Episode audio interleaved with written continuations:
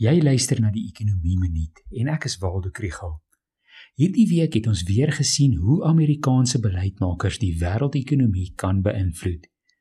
Die Amerikaanse Federale Reservebank, of die Fed, volg sedert verlede jaar uitbreidende monetêre beleid om die herstel van hulle ekonomie aan te help. Dit beteken dat rentekoerse word laag gehou en die dollar is swak.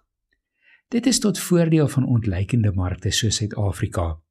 Rentekoerse op ons skuldinstrumente is heelwat hoër as wat 'n belegger in die FSA kan ontvang en die aandelebeurs vaar ook nie sleg nie.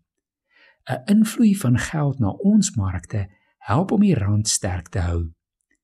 Die Fed het sover gesê dat selfs al begin inflasie in die FSA styg, gaan hulle rentekoerse laag hou. Maar gister het dinge verander. Hulle inflasieverwagtinge vir hierdie jaar het verhoog vanaf 2,4% na 3,4%. Dit word toegeskryf aan bottelnekke in voorsieningskettinge wat vraagtrek inflasie veroorsaak.